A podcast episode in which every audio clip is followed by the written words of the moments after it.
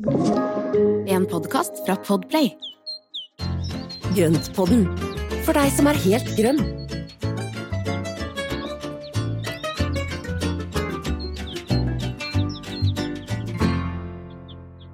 God førjul, alle sammen. Fra Espen og meg, Marianne.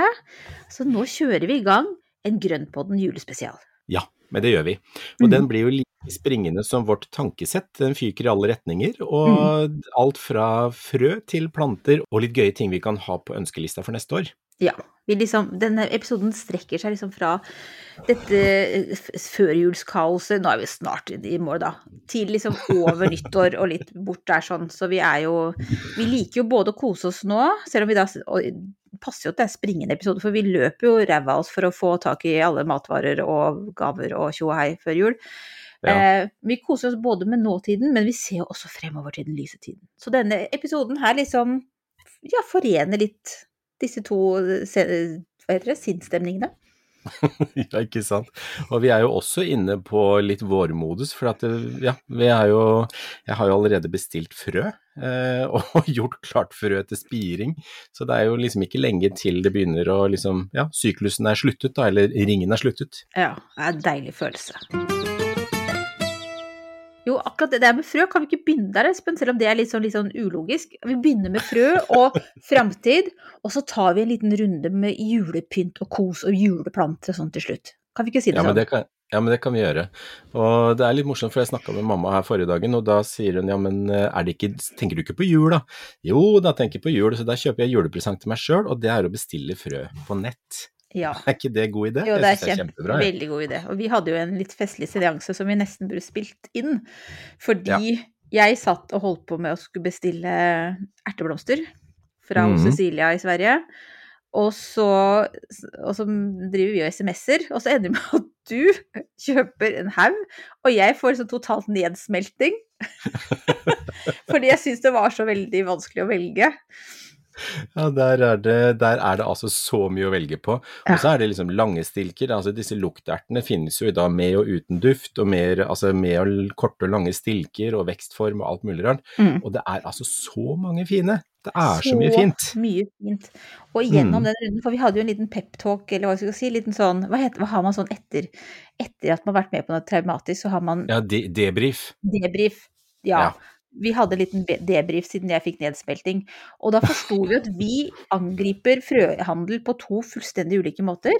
Fordi du plukker og gleder deg til å se hvordan det blir. Mens jeg sitter sånn og tenker å ja, men blir den fin til den, og så skal jeg vel ha den stemningen generelt, og så vil jeg at liksom Ja. Ja, du analyserer jo veldig mye, da, så du bruker jo mye tid og energi på å analysere og Ja. finne riktig. og kjenne i magen, liksom, syns jeg den er fin, og skal den få lov til å så, Ja, nei, det blir helt altså, Så jeg har fortsatt ikke bestilt. Nei. Og så ble det jo ikke noe bedre av at vi da beveget oss videre til Roger i England, eh, Roger Pearsons, der de Ja. hadde Monty Don. Dufterten Monty Don. Den Helt må man jo bare ha. fantastisk. Men Ja. så sto det da at ikke de sendte til Sverige, som jeg jo tross alt befinner meg i mye av tiden. Ja. Eh, Jeg tror kanskje Må jeg bestille til Norge, da? For Norge Men tror jeg kanskje du bestiller. er- Ja, for kanskje det er av EU, at det er et eller annet, eh, et eller annet der, siden det vi er utenfor EU. Men det jeg sto jo veldig mange andre EU-land. Jeg vet ikke. Jeg tror kanskje har glemt å sette på Sverige. jeg. Ja, Ja. det går an å prøve. Jeg har bestilt fra dem før. Ikke sant? men Men jeg, jeg bestiller jo bare på, på ryggmargsrefleks. Altså jeg Mm. trykker i vei og nesten sånn uh, Tourette på tastaturet. For det, jeg har jo bestilt dobbelt opp også, et par stykker. Og jeg har ikke fått med meg, så det gikk så fort. Jeg tenkte det er fint, og det er fint, og det er fint. Bush har jeg bestilt. Men du er som en unge i godtebutikk, altså sånn løs Ja. godis, ikke sant? Og jeg skal ha den og den og den og den. Litt forskjellige smaker. Men det blir det jo Ja. så herlig. Og som du var så grei å påpeke, når jeg da liksom sa at jeg finner ikke fram til den riktige paletten, så sier du men du vet det, Marianne, at man er aldri garantert at det blir sånn som du tror, selv om du nøye Nei. velger ut. For plutselig har den rosa blitt litt mer oransje, eller omvendt. Så ja. Så, så jeg har da sikta inn på en sånn jeg, jeg har jo en idé om palett, og jeg har jo en liten baktanke med tingene.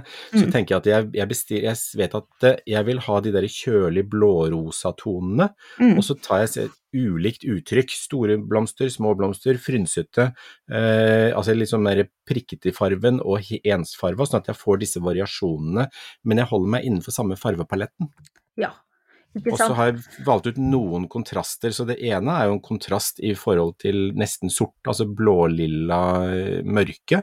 Mm. Eh, og så har jeg også valgt ut en aprikosfarva, for den funker veldig fint med de derre blå, altså mørke rosatonene, så er Mm. aprikosfarven også veldig fin.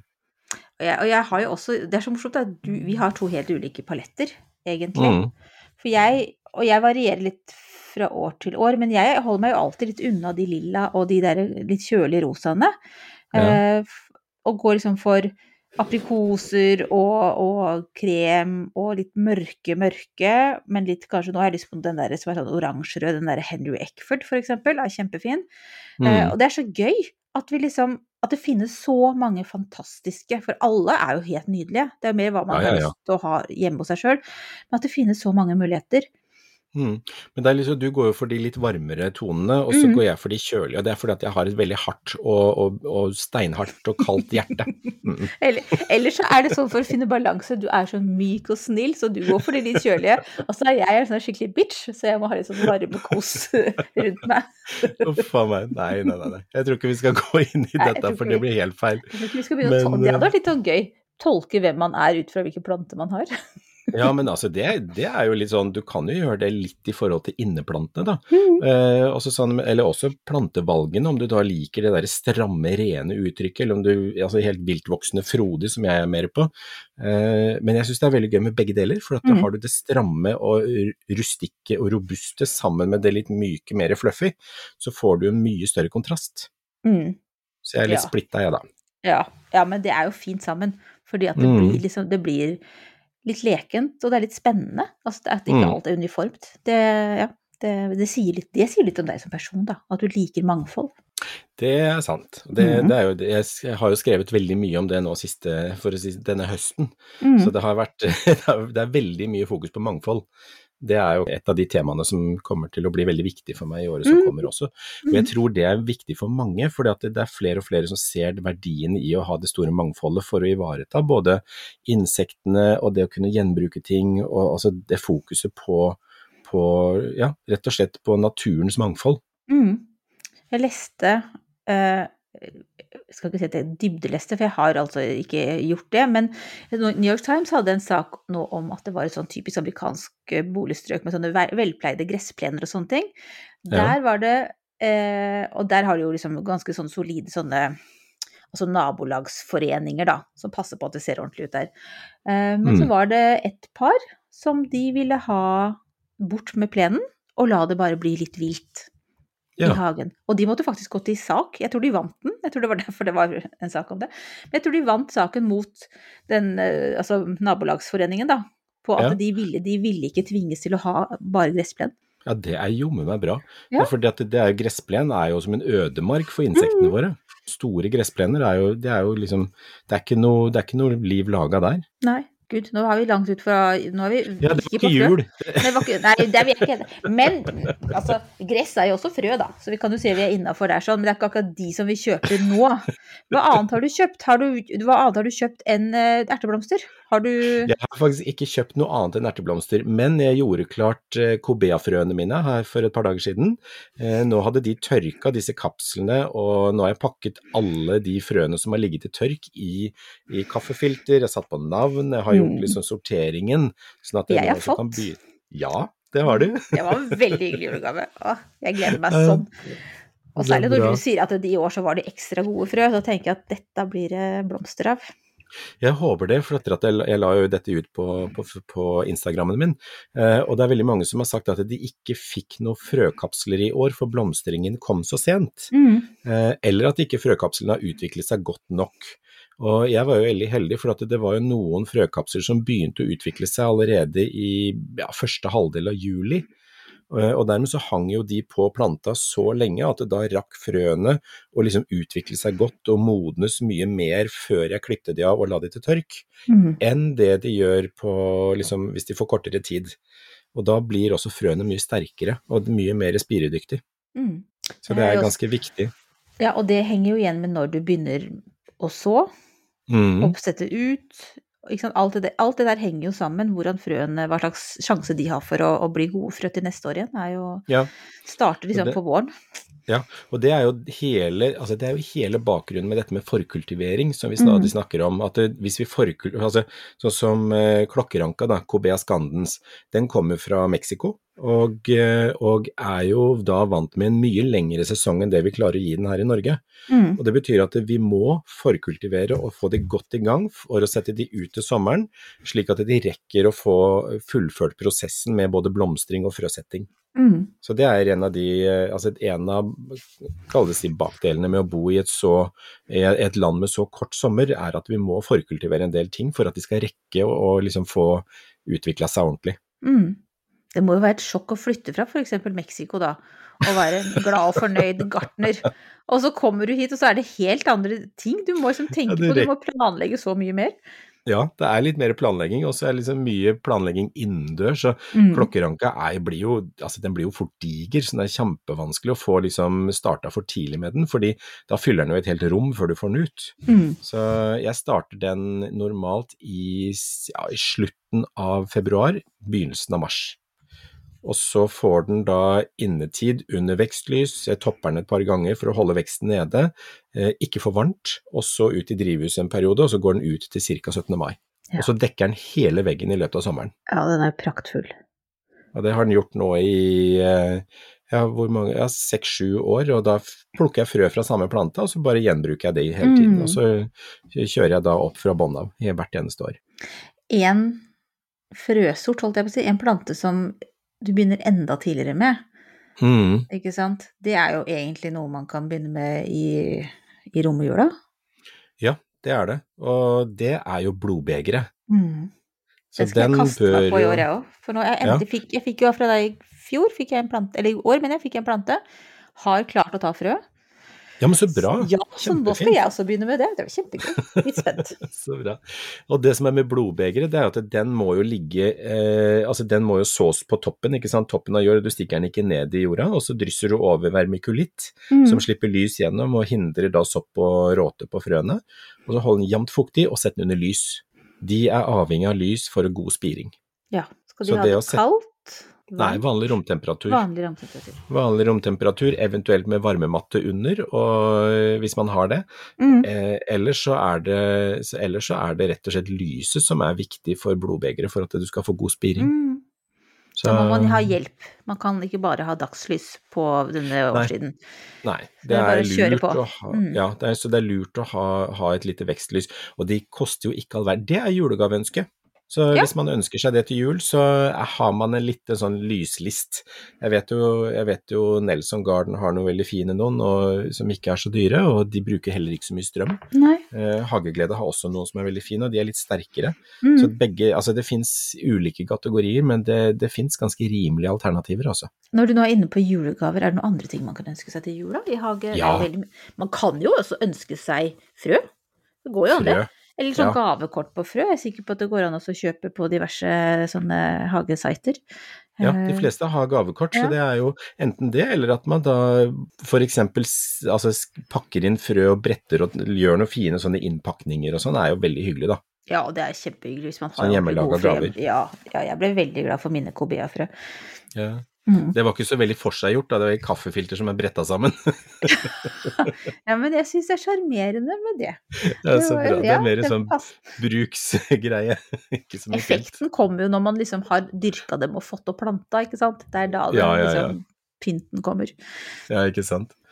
Ja, men det er bra. Men det er Nei, men jeg også, jeg tenker også sakser Altså Mm. gavekort er helt supert, for da kan man plukke noe som, eh, som er når, når sesongen kommer. Å, jeg må fortelle. Jeg har bestilt, eller fått, uh, nå amaryllis. Ja. Så jeg har eh, Jeg gjorde et oppdrag for Hageglede her tidligere, og så fikk jeg da, som jeg sa, hvis jeg da får, eh, får litt løk av dem, så blir jeg veldig glad for, eh, glad for det. Så jeg har fått en eske som jeg nesten ikke klarte å markløfte, med amaryllis. Det var det jeg tenkte på, for hva er litt, litt løk? Det er liksom forskjell på hva, hva de legger i det og andre. Så jeg måtte, jeg måtte virkelig liksom ta tak og løfte for å få den opp. Og nå har jeg altså fått, jeg tror det er 25 amaryllisløk, som jeg har tenkt til å la ligge kaldt ute i vinterhagen. eh, og så skal jeg plante de ut til våren. Oi! Så jeg skal ikke ha det som juleblomst, og da er det blant annet denne her fantastiske som heter Rilona, som er sånn storblomster av laksefarva, kjempefin. Mm. Eh, superfine løker, og det som er gøy når jeg da gjør dette her, det er at de løkene de er like fine når da sommeren er over, og jeg kan ta de inn og legge de til oppbevaring igjen. Mm. Da har de fylt seg opp med næring, og det er noe som alle må tenke på litt på. Almaryllisene du har nå i potte til jul, de kan fortsette å bli veldig fine og gi blomster, men de må få lov å få vokse etter blomstring. Fortsett å vanne, ikke skjære ned alle blader og sånn. La dem få lov til å få den næringa de kan få. Ja. Mm. Fortsett å vanne, fortsett å gjødsle, gi masse lys, eh, sørge for at de har det bra og holder seg i god vekst, og ikke altfor varmt. Og da ville, du, da ville du plante dem ut i sommeren, eller ville du da vente enda en lengre sesong til neste jul?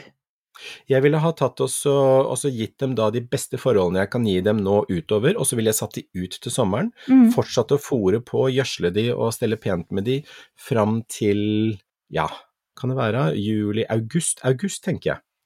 Eh, og så vil jeg ta og trappe ned vanningen, sette de kjølig, la de få visne ned, og så kan de få en hvileperiode og legge de, kan være grønnsaksskuffen på kjøleskapet eller noe sånt, pakket inn i en papirpose. Smart. Eh, ja, for da får de den kjølige perioden, Mm. eh, og så kunne, kan man ta de fram igjen i, jeg tenker i begynnelsen, slutten av oktober.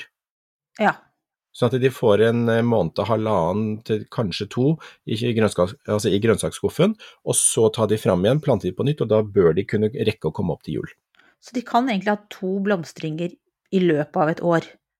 Nei, Nei. normalt ikke. Nei. Fordi at da har du, altså sånn som juleblomstringa, så bruker den alt den har av krefter, og ofte så er den veldig slunken og, og sliten Mm. den løken etterpå. Så den trenger altså tida på å bygge seg opp igjen.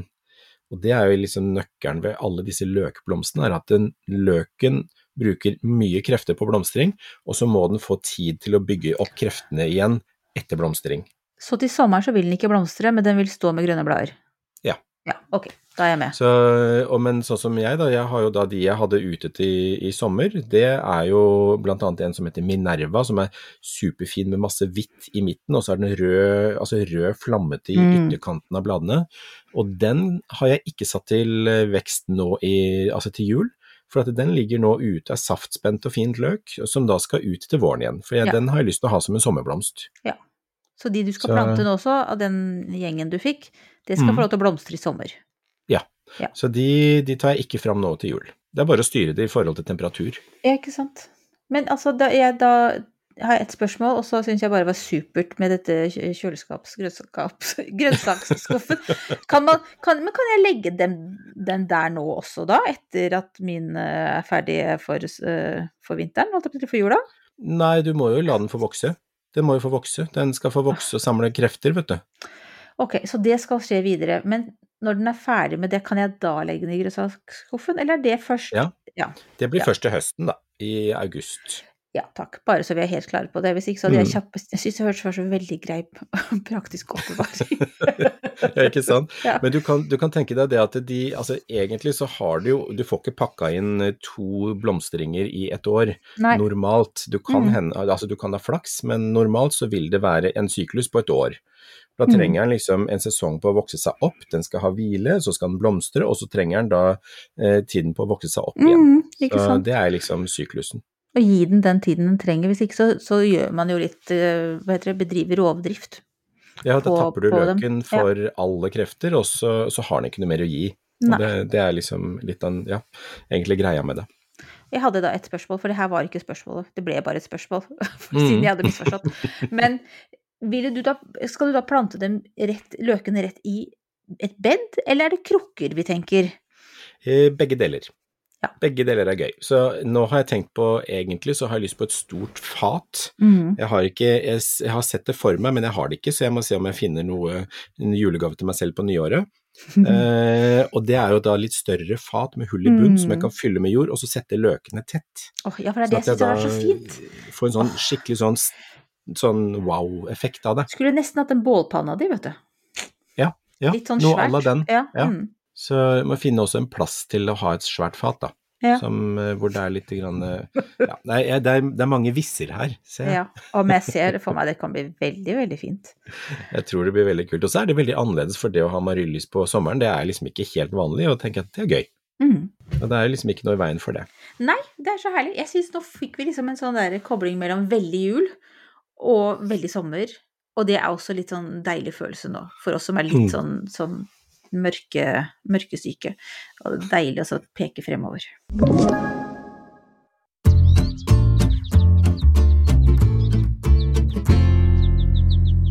Er det noe mer du har lyst til å si om frøet nå, eller skal vi heller spare det til liksom første episode på nyåret? Da kan vi liksom Jeg tror vi venter med, Ja. ja, jeg tror vi venter til nyåret, for at da tar vi litt frø, og så skal vi ja, se litt forover med planlegging og, og sånn, og så Mm. litt grann mer, mer om dette med forkultivering, tror jeg. Så en ny start på alt. ja, trenger en påminnelse eller førstegangsintroduksjon til dette med forkultivering. Det er et stort tema. Nei, men Mm. Da venter vi med å åpne frøposene til over nyttår. Ja. Så tenker jeg at vi fortsetter litt mer på jul. Ja! Og jeg har lyst til å snakke om juleglede, for jeg finner den ikke noe sted. Å, den er så fin. Det Ja. er en veldig Det er nesten litt sånn glemt juleplante, det. Det er jo en begonia. Ja, ikke sant. Kan ikke Så- du beskrive den? For jeg, jeg ble påminnet av noen andre som snakket om det, og så nevnte du det, at uh, dere mm. ikke hadde funnet den, og jeg har lett, og jeg finner den heller ikke. Nei. Så kanskje ikke Den- folk helt vet hvordan den ser Kanskje man har glemt litt hvordan den ser ut? Ja, og det er jo det er en av de gamle klassiske juleblomstene. Jeg vet mormor hadde jo alltid en juleglede til jul. Mm. Og den blomstrer altså i et banka kjør langt utover på nyåret. Og det er altså en begonia som er helt tett av små rosa blomster på toppen. Den finnes Mm. også i hvit, men det er ikke så vanlig å finne den i hvit. Uh, og begoniaen, sånn som, uh, som alle de andre blomstrende begoniaene, så har de liksom saftig, saftig sprø blader. Og så har de da en blomstring som går helt kontinuerlig fra, fra egentlig fra nå og utover. Mm. Så lyst, ikke altfor varmt, lett tørk mellom hver vanning, enkle planter og gir masse blomster, altså. Mm. Kjempefine. Vi skulle veldig gjerne hatt den, og jeg vil ha den i rosa. Mm. Den er så herlig. Den er, den- det, er, det, er liksom litt gøy det der med Og jeg tenker, nå avbrøt jeg litt, men du kan få lov til å si det du skal si, som sikkert er veldig klokt. Jeg skal bare komme med en betraktning. At jeg tenker at bego... Nei, det er ikke Begonia, Jo, det er jo begoniaen, men julegleden. I og med at den er rosa. Så kanskje mange, Mm. når det var veldig sånn rødt fokus på dekorasjonen, så har liksom den falt litt bort fordi at den ikke matcha helt inn. Uh, mens nå, som vi ser at flere og flere omfavner andre farger i julefeiringa, Mm. at man, noen går for kremfarger, andre går på rosaen. At det, det er lov å velge, eller det har alltid vært lov, men man blir, har mer lyst til å velge ulike farger. Så Ja. kanskje den julegleden kan få lov til å komme litt mer inn i varmen igjen. Ikke for Mm. varmt da, så klart, men altså sånn passe varmt. Ja, ikke sant. Og så er det så gøy, for at den er jo ikke Altså, den er ro, den er ikke tullerosa. Den er Nei. ordentlig skikkelig rosa. Den er bare Ja, som en sånn der lite, lite fyrtårn i rosa. Og så er Altså, den rosafarven går ganske godt sammen med mye rødt også. Ja, det gjør den jo. Åh, For rosa og rødt er jo, syns jeg, er veldig frekt og, og, og fint, altså. Så det er eh, Ja, jeg liker det veldig godt. Ja, det er en sånn så- saftig, herlig rosafarge. Kjempefin. Mm. Så det er en, det er en juleblomst som, eh, som jeg syns altså, Eller flere burde ha fått opp øynene for. og liksom, mm. Det kan hende at det var liksom forrige generasjon at det har vært At den har falt litt ut av sortimentet. For det er ikke så Kanskje ikke vært så mye etterspørsel de siste årene. Men da trendsnakker vi oss inn til at den skal komme tilbake, vi. Kan vi si Mm. det? Nå skal vi pushe vi litt, så hvis alle som hører på går og så spør etter juleglede Hvor er juleglede? Ja, etterlyser vi det, så kanskje kommer noen neste år, Ja. og så litt flere og flere. Men den hvite har jeg faktisk ikke sett på flere år. Nei. Og den rosa er veldig fin, den hvite er også kjempefin. Så Den det er er vakker, s- ja, småblomstra hvit den. Så den er veldig, veldig fin. Men det er jo stort sett julestjerner og, og asalia Mm. og amaryllis egentlig, som er de, liksom, de mer tradisjonelle juleblomstene. Mm. Og så er det jo helleborusen, Ja. julerosa. Ja, den er nydelig. Ja, og det er også et spørsmål som jeg stadig får, liksom, hvor, altså kan vi sette den ut etter blomstring, kan vi sette den ut nå, at den da, og egentlig så tåler den, det er en staude som tåler mye, den tåler i hvert fall opp til H5, tror jeg, eh, og den er veldig robust, men det fordrer at den har stått ute hele tiden. Mm. Fordi når vi da får julerosa hjem, og så har vi den inne i 20 varmegrader, og den blomstrer og koser seg og har det bra, eller den liker ikke for varmt, så det gjør den jo egentlig ikke, så den, den står en stund, og så begynner den å visne, eh, fordi det er for varmt for den. Eh, men det som er at da er den i vekstmodus, og da hvis vi hiver den ut i masse minusgrader, så går det galt. Mm. Da ødelegger vi blomstene. Så den bør egentlig stå på kanskje mellom ja, rundt fem grader, og lyst og lett fuktig. Og så kan man plante ut i våren. Ja, og så planter vi den ut til våren, og når det da er liksom eh, frostfritt, så kan den plantes ut, og når da den eh, neste høst kommer og vinter kommer, så er det ikke noe problem, for da klarer den seg, for da er den vant med årets eh, temperatur.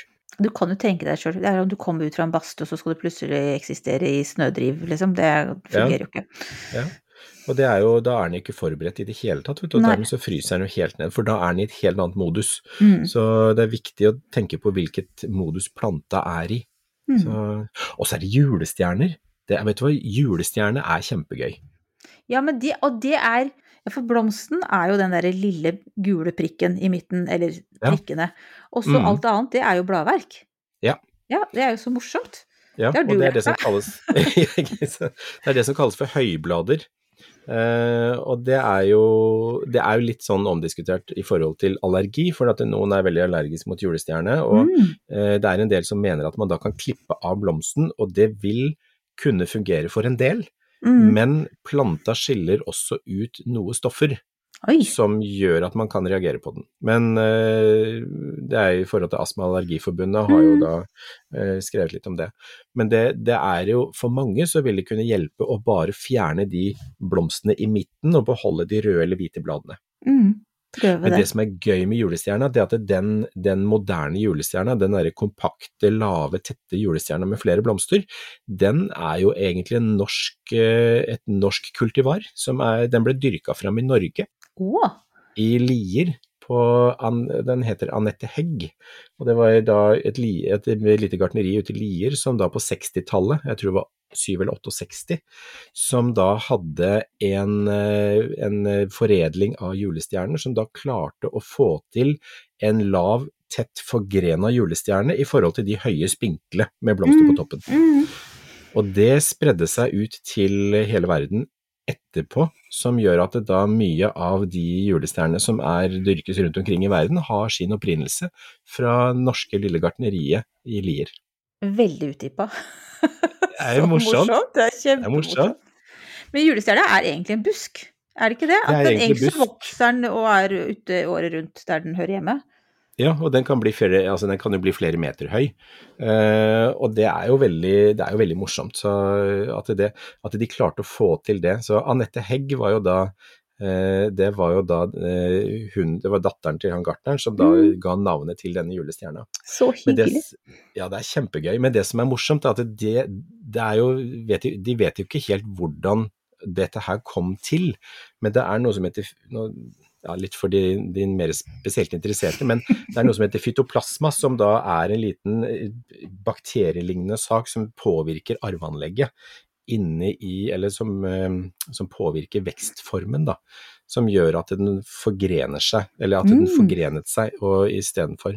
Og denne fytoplasmaen, den er jo den, vi, De vet ikke helt hvordan den kom på plass, eller hvordan den eh, begynte å utvikle seg der den gjorde. Oi! Er Og den finnes jo inne i disse julestjernene. Det er fantastisk. Så gøy. Og hva du kan. Nei, det er Jeg leste om det for ikke så lenge siden. Det er bare, jeg syns jo sånt er kjempegøy. Ja. Når jeg da igjen jeg skal lete etter én ting, og vosj, så forsvinner jeg ut i et helt annet univers og bare begynner å lete, lete om fytoplasma og disse her heksekost. Det er jo litt av den samme Den der fytoplasmaen, den har jo da forskjellig eh, Den påvirker plantene, ikke sant. Og de derre heks, det er vel heksekost det heter, de der buss, disse her knutene som finnes i bjørka noen ganger Ja. Som Mm. er sånn der sånn. Det er jo også fytoplasma som da, hvis jeg har forstått det riktig, så er det også fytoplasma som da påvirker veksten i de grenene, Mm. slik at de da forgrener seg helt annerledes Mm. enn normalt. Mm. Det kan vi glede oss over når vi kjøper en fil julestjerne. Jeg Mm. har en som er sånn krem litt mot aprikos. Jeg syns jo også det er gøy at de nå finnes i noe annet enn rødt og hvitt, hvis man vil Ja. velge noe annet. Eh, og så lurer jeg på om de trenger veldig mye vann. De trenger ikke veldig mye vann. De, altså, de er jo i slekt med eufor, eller det er jo en euforbia. De er jo i slekt Mm. med disse cowboykaktusene, blant annet. Mm. Um, kjempestor familie, vortemelkfamilien. Det som er med julestjernen, er at den skal ikke ha for, varmt, nei, ikke for mye vann, ikke for lite vann. Den skal ha lett fuktig jord, Mm. mye lys, og eh, da ikke ha trekk eller kulde. Den tåler jo helst ikke under 15 plussgrader. Da forstår jeg hvorfor min var litt pjusk. Jeg trodde det var at jeg hadde glemt den og at den fått for lite vann, men den sto jo i en vinduskarm. Eh, Ja. ja. Så nå står den ikke i en vinduskarm og er veldig mye bedre, men nå har jeg også gitt mer vann. Kanskje jeg skulle roe meg litt ned på vanninga, da, før det plutselig Ja. blir overvanningsproblemer her. Ja, for den skal være lett fuktig, og det, Mm. altså, når den da får mye kulde, eller hvis den blir utsatt for Det er jo litt sånn paradoksalt, altså den mest solgte juleblomsten i Norge er en som plante som ikke tåler under 15 plussgrader. Ja. Altså, jeg gir meg, det er bare Men tull. det passer jo veldig godt i de veldig varme norske stuer og, og kjøkken og hjem, holdt jeg på å si. Det er sånn sett Ja så passer bra. Mm, det gjør den bare, det må jo, men den må bare komme seg dit. Og Ja. Det er jo også noe å tenke på når du kjøper julestjerne, at Mm. ikke kjøp den som står rett innafor inngangsdøra hvis det er 15 minusgrader ute. For da er den eh, kanskje litt sånn slack når du kommer hjem, altså. Mm. Og kanskje kom, og kjøre rett hjem, ikke ta kjøpe den før du da handler mat og, og gjør masse andre ærender i byen. Ja, og pakk den godt inn. Mm. Og det er liksom eh, Nå er det jo veldig lenge siden jeg var på Ikea, men jeg var jo der en gang i Ja, nei, det var i fjor. I fjor eh, vinter. Og eh, da så jeg jo folk som kom bærende ut med orkideer og det ene med det andre, i, og det blafra i vinden. Men det som var at det var et minus ti grader. Og det er jo det man ikke ofte tenker på, er at Mm. plantene skal ut av butikken som er romtemperert, og så skal man da ut i kulda, og så skal de inn i en kald bil, og så skal de hjem, og så skal de inn i varmen igjen. Mm. De må pakkes inn, de som ikke tåler kulda. Bør det egentlig finnes sånne små poser, sånne termoposer for planter? Det fins, det Det gjør det. Nå trodde jeg hadde funnet en kjempefin forretningsidé for oss her. Så da. Altså, termoposer, avispapir, Ja. eh, sånne små tynne ark med Det er jo, det er jo plastmateriale, altså jeg vil heller gå for papir eller sånn, sånn, boble, sånn boblepapp, sånn, nei, sånn bølgepapp, Mm. eh, som da holder litt på varmen. Så det fins gode alternativer. Er det noen andre? Jeg har, bare, jeg, har ikke, jeg har lyst til å snakke mer om juleplanter. Er det noen andre? Altså, jo, for én ting som jeg Apropos julestjerner, for jeg var i butikken i stad. Mm. dummeste jeg ser, er når de tar glitter på dem. Hvorfor Ja. skal de ha glitter på dem? De er så fine i seg sjøl. Jeg forstår ikke det greiene der. Det er veldig respektløst mot plantene. Syns jeg òg. Ser vondt ut Ja. å gå rundt med sånn glitter på ansiktet. Ja. Det er, altså det er jo også det på sukkulenter som da er spraya i en eller annen farve. Mm. Altså oransje sukkulenter, det, ikke, det, det henger ikke på greip, det er tull. Ja, det er tullete. Og jeg mener altså alt dette her i glitterfjaset, og det samme også disse her fine mm, disse skuerosa-plantene. Det er liksom en eviggrønn busk, liten busk eller potteplante som man kan ha, også ha ute faktisk, de mildeste stedene av Norge. Eh, Den er jo noen ganger helt sausa inn med glitter. Og sånn derre hvit, hvit, hvit spray. Ja. Ja, ja, ja, ja, snøs. Snøspray og Mm. glitter. Og der tenker jeg at det, ja, nei, det er ikke greit. trenger ikke det. Nei. Men hvordan er det med du, du var, Nå har jeg ikke sett så mye av det i år, men det har jo vært sånn veldig trend med å dyppe disse løkene, både Også tullball. Ja, ikke sant, hvorfor gjør man det? Er det noe godt for løken, da? Nei, det er ikke bra for løken. Nei, for da har den ikke mulighet til å hente opp noe fuktighet, og blomsten utvikler seg normalt ikke så godt, Mm. fordi den ikke har noe fuktighet. Den vil utvikle seg litt, men ikke helt. Og så er det jo noe med at den er jo dau etterpå. Ja. Så Kan man ta det av? Tror du det? Hvis man Det får en kan sånn? man jo. Man kan jo prøve å skrelle det av, men jeg vet ikke helt uh, om hvor varmt den uh, Altså hvor varm har den voksen vært Nei, når du det begynte å dyppe den. Ja. Om du, om du da har ødelagt da hjertet på løken, som er da Mm. under den der lille flate disken Mm. hvor røttene kommer ut fra, hvis den er ødelagt, så er jo løken død. Men jeg syns det er veldig mye sånn Kan vi slå et lite slag for ikke mishandle blomster? Nei, ja, jeg er helt enig. Altså, plantemishandling er ikke greit. Nei. Da kommer plantepolitiet, Mm. og vi i Grøntpodden, vi kan være plantepoliti. Absolutt. Særlig nå som naturen har fått sin egen sånn eh, Parisavtale-greie i eh, Canada, så får vi gjøre Å. vårt. Ja, Ja. Fy søren. Ikke spør om at- detaljene, men det var Nei, det mye verning og sånne ting. Men det, det er jo fint. Og da kan vi verne litt om de plantene som blir plantemishandla. Nei, men altså, da tenker jeg at altså, snøspray, glitter, voks, alt dette her, tull og tøys. Det har Mm. ingenting med planter å gjøre. Og da er det bedre å legge på noe lys og vokslys, da, eller vokskuler, jeg vet da søren, jeg, men uh, hvorfor skal man putte liksom en løk inni der? Nei, nei, altså jeg forstår ikke Nei. Nei, men da er vi enige om det. Skjønt Mm. enig, så hyggelig å snakke med noen som speiler ens egne meninger. men du, kan vi bare avslutte med Asalia? Fordi Ja. Den er jo liksom Når vi da snakket i stad om at julegleden hadde forsvunnet litt ut, jeg har jo inntrykk av at det var da Asalian overtok. Som Mm. den gang på vet ikke jeg, 80-90-tallet, liksom det kule alternativet. Nå er jo Mm. Asaliaen for lengst veldig sånn veletablert som en trygg og tradisjonsrik plante. Men hvordan Både noen ord om, om din erfaring med det. Du har sikkert 15 gigantiske ting som er i et eller annet eh, oppla, opplag et eller annet sted. Men Jeg har bare også, én. du har bare én, ja. Ja. Men også behandling.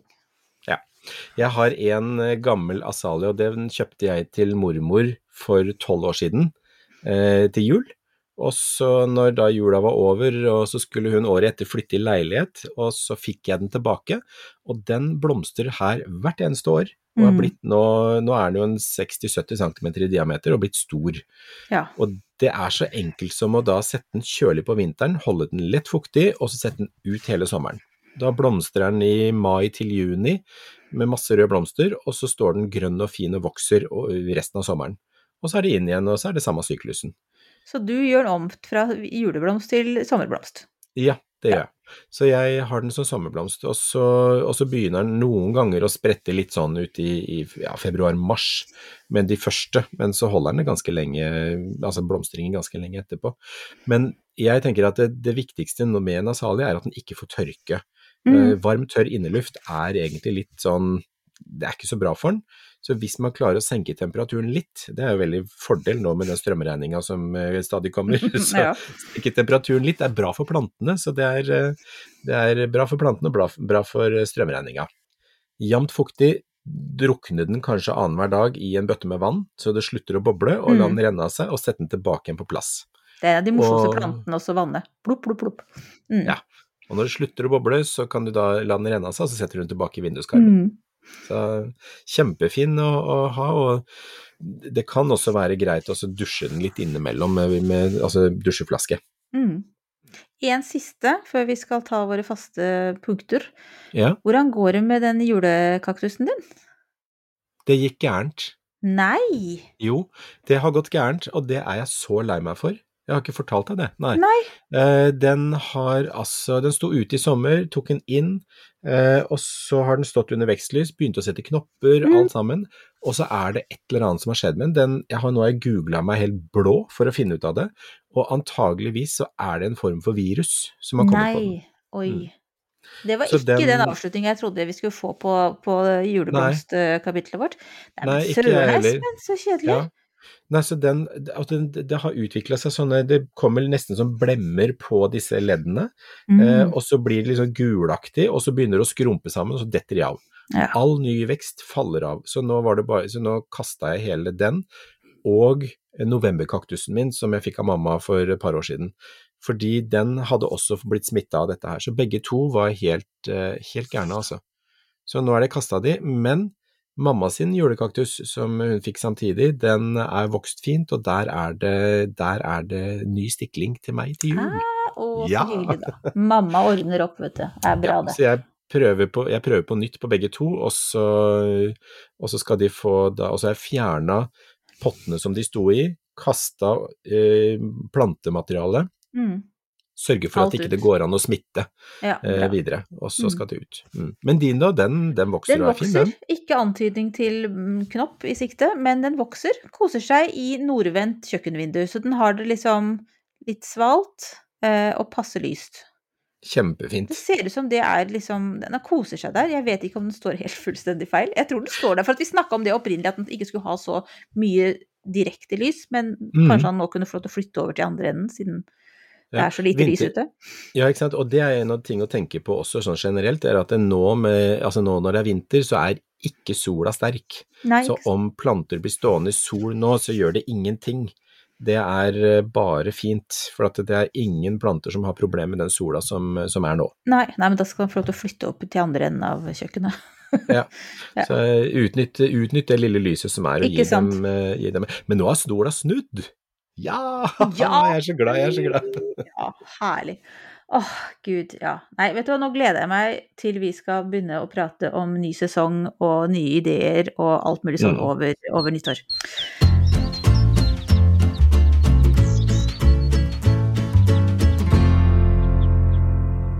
Da, Espen, er det altså på tide med ukas plante, Ja, som jeg har falt, eh, falt for. Eh, og så trodde jeg at jeg hadde funnet noe som ikke du visste om. For en gang. For det, det hørtes sånn ut da, idet jeg sa det, men det var kanskje min latinske uttale som gjorde at du ikke forsto hva det var. Men du kunne jo det veldig godt, du hadde jo til og med en. Det er altså noe som heter tulbagia. Eh, altså den heter jo tulbagia, og så er det forskjellige typer av den som heter Mm. viol, violas, violasenna. Er det den du hadde? Vio, Violacea. Violacea. Eh, mhm. Så den er fantastisk fin. Den Ja. Kalles også Society Garlic, fordi den da Mhm. visstnok lukter Nå forteller jeg ting som du kan si mye bedre, men den lukter hvitløksaktig. Og man kan visst også bruke bladene i mat som erstatning for eh, hvitløk. Ja. Eh, jeg tenkte jeg, Før du sier veldig mye om den, så skal jeg bare si veldig fort at den er fra Sør-Afrika. Oppkalt etter en sånn nederlandsk sånn eh, guvernør som het Ryk Tulbag på 1700-tallet. Ja. Nå kan du fortelle, og kan beskrive hvordan den ser ut, Espen? Ja, men så bra. Og den, det, det er veldig morsomt at du kom med den, for jeg hadde glemt hva den het. Så det var, det var egentlig en liten påminnelse for meg også, så det var veldig bra. Og Kjempefin. tul, ja, kjempefin. Og tulbagian, jeg har den som er variegert, dvs. Si at den har grønt og hvitt bladverk. Kjempefine lilla, sånne lillarosa blomster som er, eh, kommer opp på en stilk som blir ca. 30-40 cm høy, og så kommer de da som en krans. Litt sånn som alliumer, egentlig. Mm. Eh, og denne tulbagian, den er jo da en løkplante, smaker som løk, smaker kraftig av løk, og lukter kraftig av løk, eh, og kan brukes i mat. Fantastisk. Jeg syns det ser ut som agapantus. Jeg trodde det var først det det var, når jeg så bildet av den. Ja, det minner faktisk om en bitte liten agapantus. Mm. Uh, og disse bladene er ganske sånn saftige og litt sånn seige, på en måte. Uh, og det blir som en litt sånn der kraftig gresstust. Ja. Eh, og så, ja, litt flate blader. Men eh, også er det da det som heter risom, som er en liten eh, stengel sånn rett under jorda, som, Mm. som da kommer, eh, som vokser utover. Så setter den opp nye blader, og så kommer det nye blomster utover sommeren. Eh, og den tåler ikke vinteren her i Norge, så den må inn. Den tåler noen minusgrader, men da mister den bladene. Mm. Så den kan tåle korte, altså korte frostnetter og sånne ting, men den eh, har det best med å være på plussida. Ja, så det er potteplante. Ellers må man grave den opp, da. Mm. Jeg har den i en tønne med masse andre urter ute på, Ja. på, i sydveggen, mm. men så har jeg den da, jeg grov den opp, satte den i en egen potte og tok den inn i vinterhagen når det ble frost. Mm. Så, og da skal den ut igjen. Men det lukter jo, altså vinterhagen lukter jo så løk nå, for at det lukter jo så løk av den. Så det tenker jeg at herre min, hvem er det som har kappa opp alt dette løkstyret her? Det, liksom, det lukter skikkelig løk, altså. Veldig pen, da. Ja, for jeg, altså det var jo, jeg tror jeg nevnte det for noen episoder siden, den der drømmen om å få en sånn løkplante som blomstrer à la Det her må dere søke kjøkkenet til Sir Terence Conran, for der Ja. er et bilde der det er et eller annet fantastisk. Og jeg vet at du allerede har sagt at Marianne, dette er bare en drøm. Men det var en lilje, det var en tigerlilje som jeg hadde satt inn der. Ja, og da fant vi ut nå at sannsynligvis har de bare satt inn den, tatt den inn fra hagen og satt den der pga. at de tok ta bilde.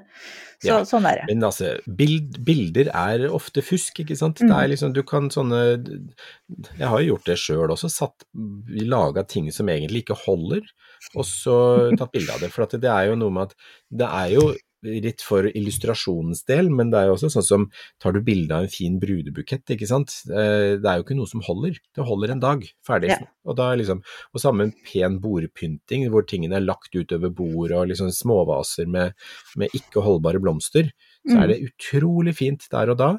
Men så må man tenke på at ja, men holdbarheten er ikke, er ikke tilsvarende. Mhm. Og jeg syns jo det er fint da, med noe av den der forgjengeligheten i blomster, som jeg, jeg liker jo det, for at da kan man hele tiden tenke på noen nye ting. Ja, men jeg er enig med deg i det. Det er bare at jeg, altså, men jeg, bare, jeg, jeg sier ikke noe mer om det, men jeg drømmer fortsatt om å ha en tubagia inne på kjøkkenet. Men jeg forstår at jeg kan heller ha glede av den ute på verandaen, da. Men jeg tenker, eh, hvorfor ikke prøve? Så se hvor lenge det går. Ja, det er jo sant. Det er jo ikke verre, Ja, det er det er ikke verre enn det. Men jeg skal se på min, Marianne, for at da, da kanskje til våren kan jeg ta en bit til deg, så kan du få av meg. Hallo.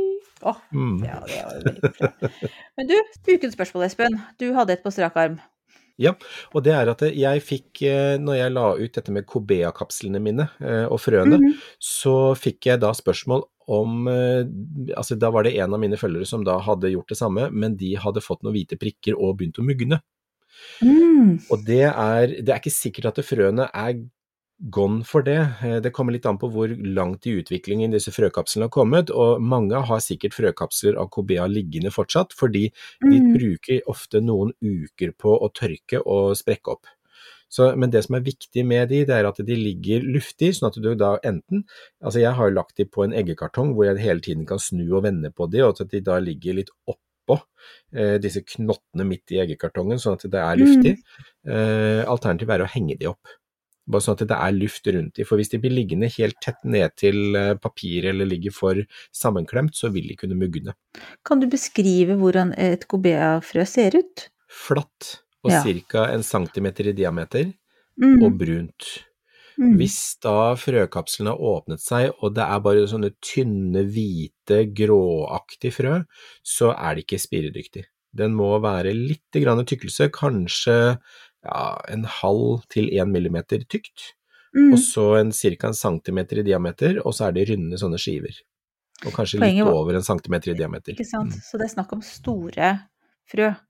Mm. Og, da, og da må man tenke at det tar lengre tid eh, på en måte også gjøre dem klar for lagring enn Ja. mindre frø, da. Det er veldig godt poeng, Marianne. Og det, det som er at de kapslene er jo også ganske solide og, og Mm. væskefylte når du tar de inn, så de trenger tid på seg til å sprekke opp, og de sprekker opp når de er klar. Ja, Mm. Bra. Hva skal du gjøre nå, da? Nei, det skal jeg vel bestille mer frø, da. Det er... Nei, jeg, jeg driver på med julerengjøring av fisketanken min. Eh, Fiskene må få stell, så jeg, må, jeg driver hele tiden og passer på at eh, vannkvaliteten er god nok. Eh, Og det betyr at det ikke skal være for mye nitritt eller nitrat, som er avfallsstoffer i vannet, for det er giftig for fiskene.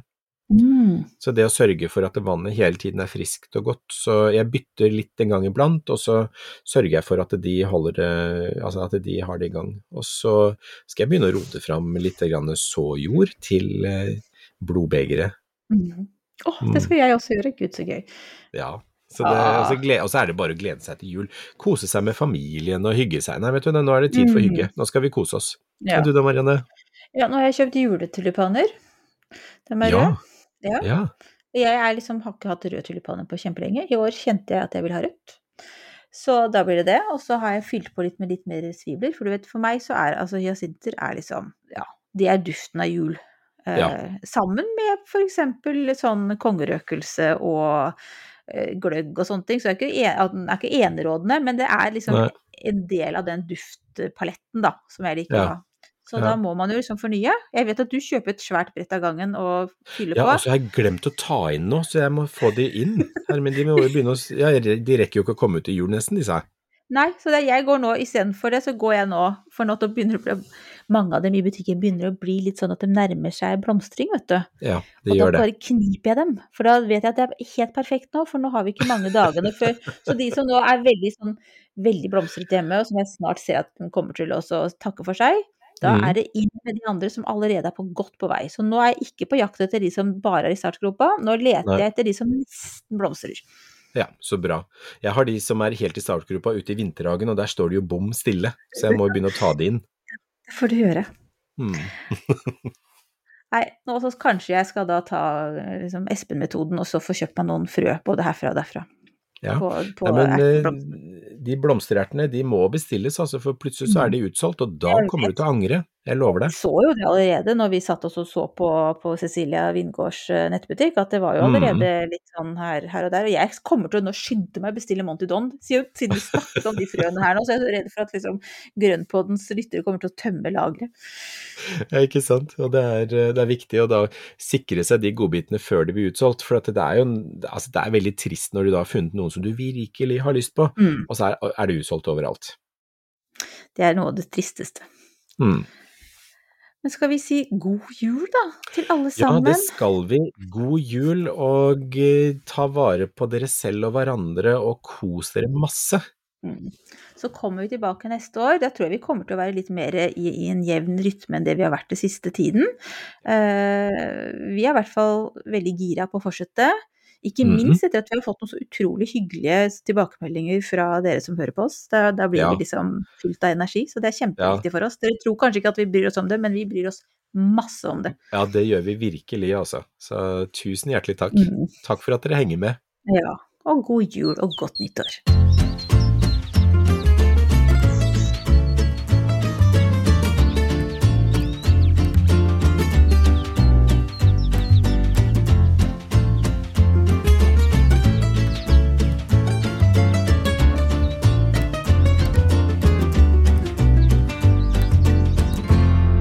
Du har hørt en podkast fra Podplay. En enklere måte å høre podkast på. Last ned appen Podplay, eller se podplay.no.